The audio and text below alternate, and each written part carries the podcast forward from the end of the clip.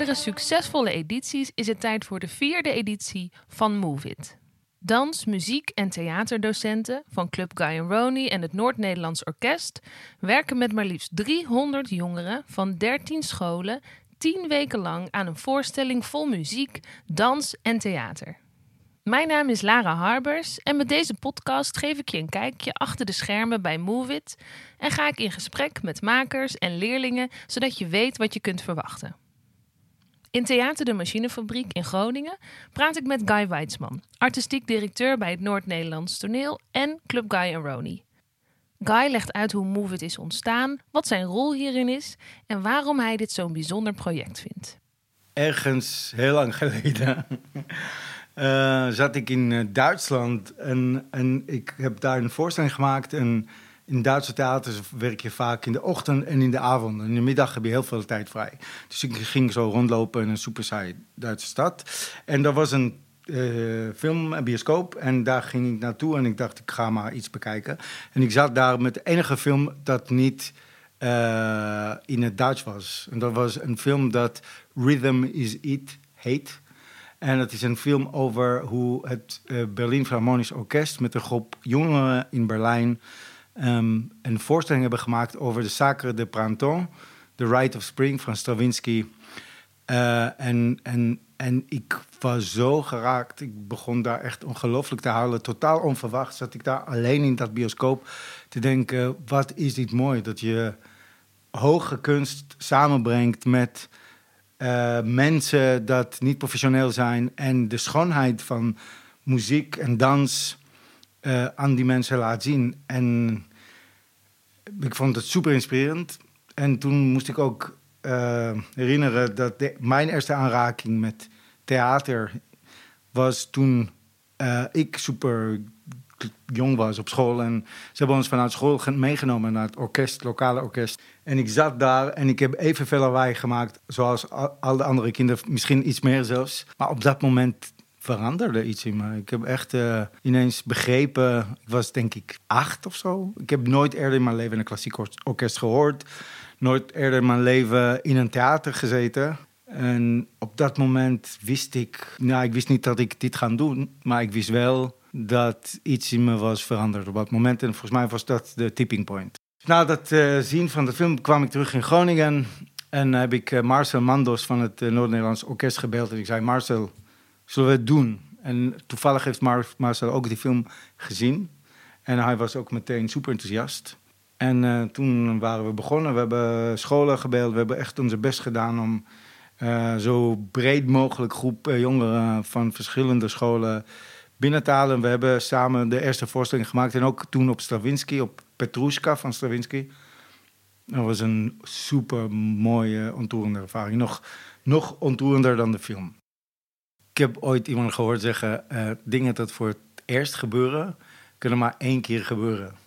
En dat vind ik ook een. Dat, dat is heel erg hier op. Uh, die zou je hier ook uh, super makkelijk kunnen toepassen de ogen van de kinderen als het orkest die emotionele piek bereikt. En dat ze ineens verdwijnen in die wereld van de muziek en de klank. En ook die hele, best wel uh, royale zaal van de Osterpoort. Het voelt allemaal super belangrijk. En dat moment dat ze het gevoel hebben, ja, uh, dit is ons gelukt. We zijn even belangrijk als al die andere mensen dat op tonelen staan. Je ziet in hun ogen dat al die ogen van het publiek, al die blikken dat naar hun toe gericht zijn, hoe ze die jongeren veranderen, die blikken. Die, die liefde wat ze van het publiek krijgen, transformeert ze tot een, ja, een, totaal andere mens. En ik denk dat dat ervaring, als je dat doet dag in dag uit, die eh, ben je een beetje kwijtgeraakt. En als je het voor het eerst voelt, die, die schok van de liefde van het publiek en de macht van de, dit orkest en de hele situation, dat kan je echt niet. Uh, ja, en om daarna te kijken, ik sta gewoon te huilen in de hoek zo. Dit is de eerste keer dat ik het niet maak. Ik heb het uh, stokje overgedragen aan de volgende generatie. Dat vind ik uh, super fijn ik denk dat ik ervoor zorg dat iedereen begrijpt hoe belangrijk dit is. dat is mijn rol. zo voelt het om ervoor te zorgen dat, dat kinderen en van alle lagen van de samenleving, dus niet alleen de geprivilegeerde kinderen, maar alle kinderen in, in aanraking komen met wat mijn leven ongelooflijk mooi heeft gemaakt.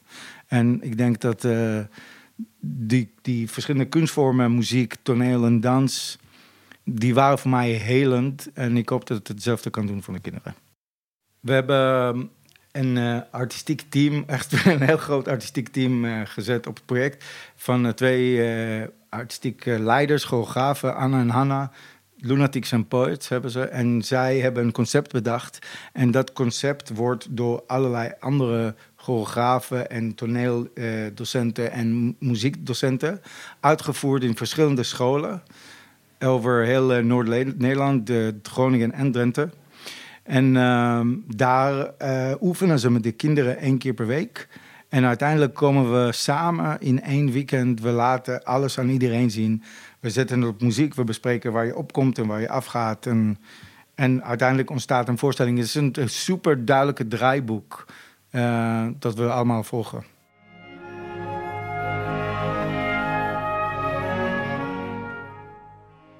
Guy Weitzman heeft het stokje overgedragen aan Anna Jacobs en Hanna van der Meer, de regisseurs van Move It.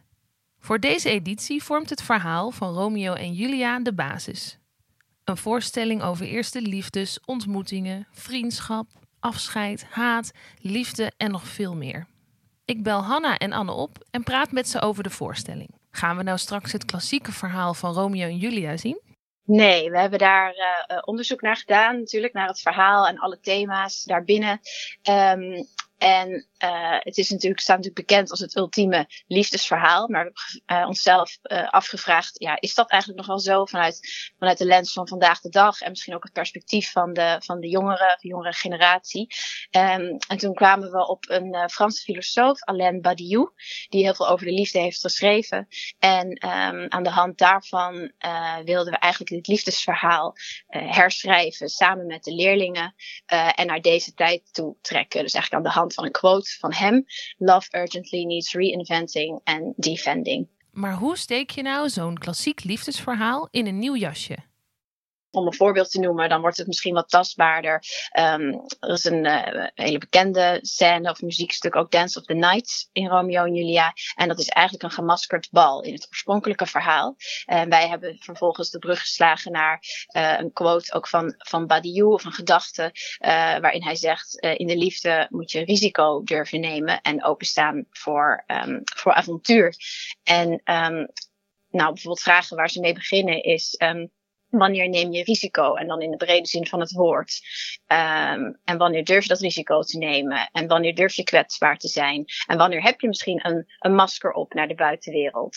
Uh, dus dat zijn vragen waar ze mee beginnen. En dan gaan ze, daar, uh, gaan ze dat vertalen in, uh, in bewegingen. Dus um, bijvoorbeeld vallen en weer opgevangen worden. en dan gaan ze kijken naar de muziek, dus naar de dynamiek daarbinnen.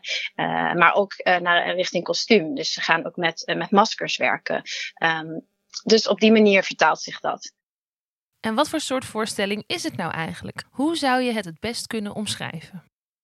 collagevoorstelling is een goed woord, want het gaat natuurlijk over liefde, maar wel ook in de brede zin van het woord. Dus niet alleen uh, liefde in de romantische zin, maar ook bijvoorbeeld liefde voor een dier of liefde voor een familielid of voor, voor de planeet. Um, dus het wordt een collagevoorstelling, uh, een opbouw van verschillende, verschillende scènes die dat thema net iets anders uh, belichten.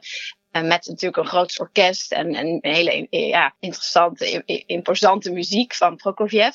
Ja, veel groepsdynamiek. En, maar het individu wordt ook uitgelicht. Dus zal de leerlingen ook wat beter leren kennen. Wij zien straks het eindresultaat op het podium. Maar hoe ziet zo'n voorbereidingsproces er eigenlijk uit? We hebben uh, een regie-meeting gehad, ook met de workshopdocenten. En toen hebben we het concept hebben verder uitgelegd. En de workshopdocenten gaan met de leerlingen uh, in de klas gaan ze het hebben over het thema. En met hun gaan ze samen wel die scènes maken. En dan zijn, komen wij in het einde, komen wij uh, in het theater, komen allemaal bij elkaar. En, en dan gaan we kijken naar het resultaat en alles bij elkaar brengen. Wij stippelen eigenlijk de grote lijnen uit, uh, geven richting aan het concept. En het verhaal dus in dit geval. En geven de input aan de workshopdocenten waar zij mee aan de slag gaan. Uh, zij slaan weer dus de brug naar de leerlingen toe. En dan uh, op het laatst brengen wij alles weer bij elkaar tot één groot geheel.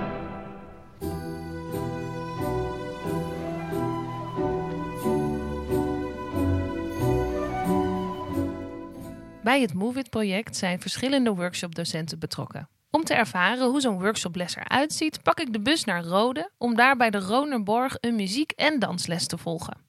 Eerst zoek ik de muziekles op en praat ik daar met Johannes Terpstra.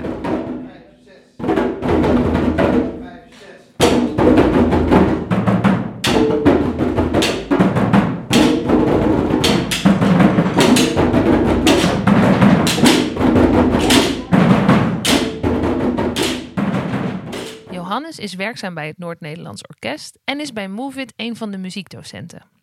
Wat vindt hij van het Move It project? Uh, super intens, dynamisch, uh, met hoogtepunten, met dieptepunten, maar met uiteindelijk een succeservaring voor mij eigenlijk ook, maar ook zeker voor de leerlingen altijd wel. Ik heb in 2017 heb ik voor het eerst meegedaan als workshopdocent. En toen ben ik in 2019 nog een keer gevraagd. En dus nu voor de derde keer. Ja, dus eigenlijk een beetje de harde kern ben ik eigenlijk al een beetje als workshopdocent. Hoe ziet zo'n les van Johannes er nou uit?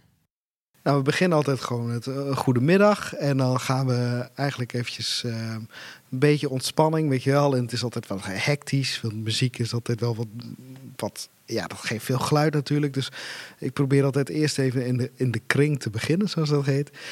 En dan, uh, nou, ons, voor, onze, wat wij gaan doen in de workshop bestaat uit verschillende elementen. En een daarvan is ook bodypercussie.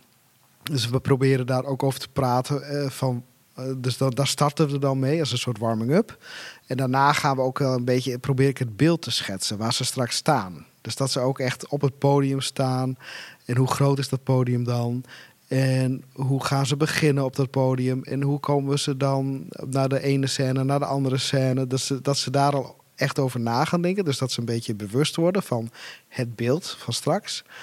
En dan gaan we gewoon uh, muzikaal aan de slag met, met het materiaal. En, en dat is uh, altijd uh, flink je stem verheffen. Johannes is samen met zijn leerlingen al een tijd aan het repeteren. Waar staan zijn leerlingen nu? Ik denk dat ze nu echt, sinds vorige week, is het echt, zijn we echt een podium, stageplan aan gemaakt.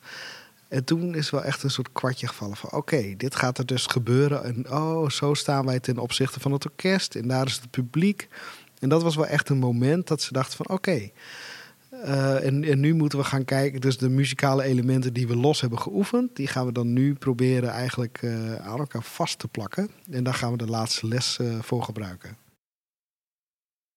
Voor deze editie van Move It begeleiden 75 muzici van het NNO onder leiding van dirigent Rolf Verbeek de leerlingen met muziek van Sergei Prokofjev. Volgens Marcel Mandels, artistiek leider van het NNO, is de muziek van Prokofjev heel beeldend, speels en romantisch en kan je het een echt meesterwerk noemen. Ik vraag Johannes wat hij van deze muziek vindt. Uh, ja, ik ben zelf ook klassiek muzikus, dus ik, uh, ik geniet gewoon van uh, hoe hij componeert als, als, als componist. Het is toch wel een unieke kleur heeft hij altijd.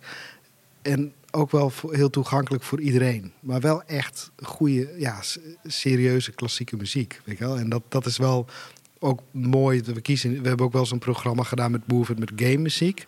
Maar deze editie kiezen we dus ook echt voor een ja, echt klassieke componist. En een ja, een waanzinnig stuk natuurlijk, wat gespeeld wordt. En hebben de leerlingen ook iets met deze muziek? Ja, inmiddels wel. dus dat hadden ze niet. En uh, ik, ik, ja, ik luister ook veel muziek wel met ze. Hè, dus, en dan kennen jullie klassieke muziek. En dan zeggen ze nee, nee, helemaal niet. Maar vervolgens uh, laten ze een film zien waar klassieke muziek in zit. Of ik zeg welke game speel je. En er zit eigenlijk ook diezelfde klassieke of symfonische muziek in. Dus, dus eigenlijk kennen ze de muziek wel. In de muziekles zie ik Mike uit 2E. Ik vraag hem waar ze nu mee bezig zijn. Wij zijn aan het leren te trommelen. En dan gaan we dat dan voorbereiden. Zoals nu zijn we met trommelstuk bezig. Dan, de, als wij op het podium komen, we hebben een bodypercussie stukje. Dan moeten we gewoon een, op het lichaam slaan. Dat moeten we dan laten zien als we erheen lopen. En zo gaat het eigenlijk gewoon door. En wat heeft hij zelf geleerd? Luisteren vooral. Vooral op jezelf focussen en dan luisteren wat anderen. Als ze een fout maken, dat je daarin meegaat. We hebben een hele groep en dan moet je op elkaars ritme letten. Want als die ene een fout maakt, gooi je dat gelijk. Dus dan moet je eigenlijk ook op die ritme steeds gaan trommelen met z'n allen. Mike gaat weer terug de muziekles in en ik ga door naar de gymzaal waar er druk gedanst wordt.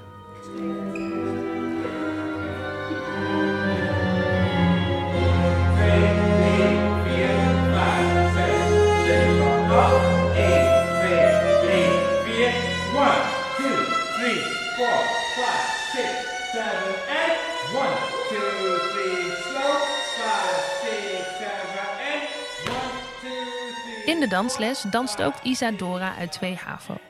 Ik pik haar eventjes uit de les en vraag haar waar ze mee bezig zijn. We zijn zeg maar met een, allemaal klassen bij elkaar. Zijn we leuk creatief bezig om een voorstelling in elkaar te zetten. En daar hebben we hulp uh, van Tresor, een uh, goede danser. Isa danst zelf ook, maar dit vindt ze toch wel even iets anders. Dat je voor 700 mensen moet zitten en dan een heel toneelstuk ongeveer moet opzetten, is wel spannend, ja. Ook praat ik met Timen en Jessica uit 2F. Timen en Jessica dansen helemaal vooraan. Wat vinden zij ervan? Dit was wel gelijk heel uh, intensief. Dus. En ik wist ook niet gelijk wat je moest doen allemaal. Dus, ja. Maar ik vond het wel leuk. Onze groep is nu wel bezig met um, nou ja, de dans en niet meer irritant doen qua de hele tijd kletsen. We zijn nu wel echt gewoon bezig met de dans. Ook Timen en Jessica vinden het behoorlijk spannend. Gelukkig heeft Jessica een tip. Jij staat daar en jij kan het wel, dus daar moet je maar gewoon naar denken. Aan het einde van de les praat ik ook met dansdocent Tresor. Wat maakt dit project zo bijzonder en wat zijn zijn ervaringen? Mijn ervaring is dat, het, uh, jongeren, uh, dat je jongeren leert om uit hun comfortzone te gaan. Uh, dingen te durven aangaan, ook al ken je het niet. Omdat jongeren vaak gewoon altijd voor veiligheid gaan. Uh, en dit is gewoon iets uit hun comfortzone. En dat ze dat kunnen overwinnen. Weet je, dus dat je gaat denken van, hey, stel je voor dat je het gevoel hebt dat je het niet kan en dat je het toch doet en uiteindelijk wel kan. Nou, dat is gewoon supergoed, ook gewoon voor je ontwikkeling en verdere dingen wat, wat eraan komt. Want je komt altijd tegen dingen waarvan je denkt van, ik kan dit niet of ik kan het niet oplossen of weet ik veel wat dan ook. En dit, maakt, dit geeft je toch wel een extra zelfvertrouwen. Plus dat de kinderen in één keer achterkomen dat ze iets wel heel goed, dat ze, dat ze ergens wel heel goed in zijn waarvan ze niet dachten dat ze er goed in waren. Net als de regisseurs Anne en Hanna is ook Tresor bezig met elementen uit het verhaal van Romeo en Julia te vertalen naar het nu. Wat je kan verwachten is dat je dus uh, verschillende verhalen ziet. En uh, ons stuk gaat dan over, uh, over het dagelijks leven. Wat doe je in het dagelijks leven als, bijvoorbeeld, nou, als het tegen zit of, of, of iets leuks. Dus, dus die kinderen hebben dan hun hobby. Heb ik dus bedacht, kijk, wat is jullie hobby? Wat vinden jullie leuk? Nou, dan hebben ze dat verteld. En dat gaan we dus uitbeelden. En dat in een dansvorm. En dan heb ik bijvoorbeeld Haren heb ik dan weer. En die doet dan een stuk over protest. Zeg maar, waar sta je voor? En uh, waar vecht je voor? Dus uh, daar gaan ze dus ook weer uitbeelden. Voor mijn favoriete element. Um, de laatste stuk van, van dit stuk wordt geleid door een leerling. Dat is denk ik wel het leuke. Dus dat heb ik niet gechoreografeerd. Het laatste stuk, dus het laatste sportstuk eigenlijk. Dat wordt dus door de leerling gedaan. Dat, dat, dat, dat ga je ook zien dat ze het leidt. Uh, en de rest en de dans vind ik gewoon heel... Hoe zij beginnen vind ik gewoon heel knap. De voorstelling van Move It is nu heel dichtbij. En ik wens iedereen namens Club Guy en Rony en het Noord-Nederlands Orkest ontzettend veel succes en plezier. Kun je er deze editie niet bij zijn? In 2024 staat de volgende editie gepland. En dan sluit ik af met een tip van Guy Weitzman voor alle leerlingen die een beetje zenuwachtig worden als ze aan de voorstelling denken. Ik zou zeggen, niet bang zijn. Uh, er kan je niets ergs gebeuren op toneel als je de danspasje vergeet of even niet weet wat je volgende tekst te uh, zien is of je muziek uh, wat je, dat je moet spelen. Ik zou zeggen, fake it till you make it. Het is gewoon genieten op toneel en dat ga je maar één keer beleven in je leven. Dus um, denk niet over goed of slecht of uh, andere gekke ideeën. Het is gewoon op in het moment staan op toneel en je best doen. Dat is ook al zoveel.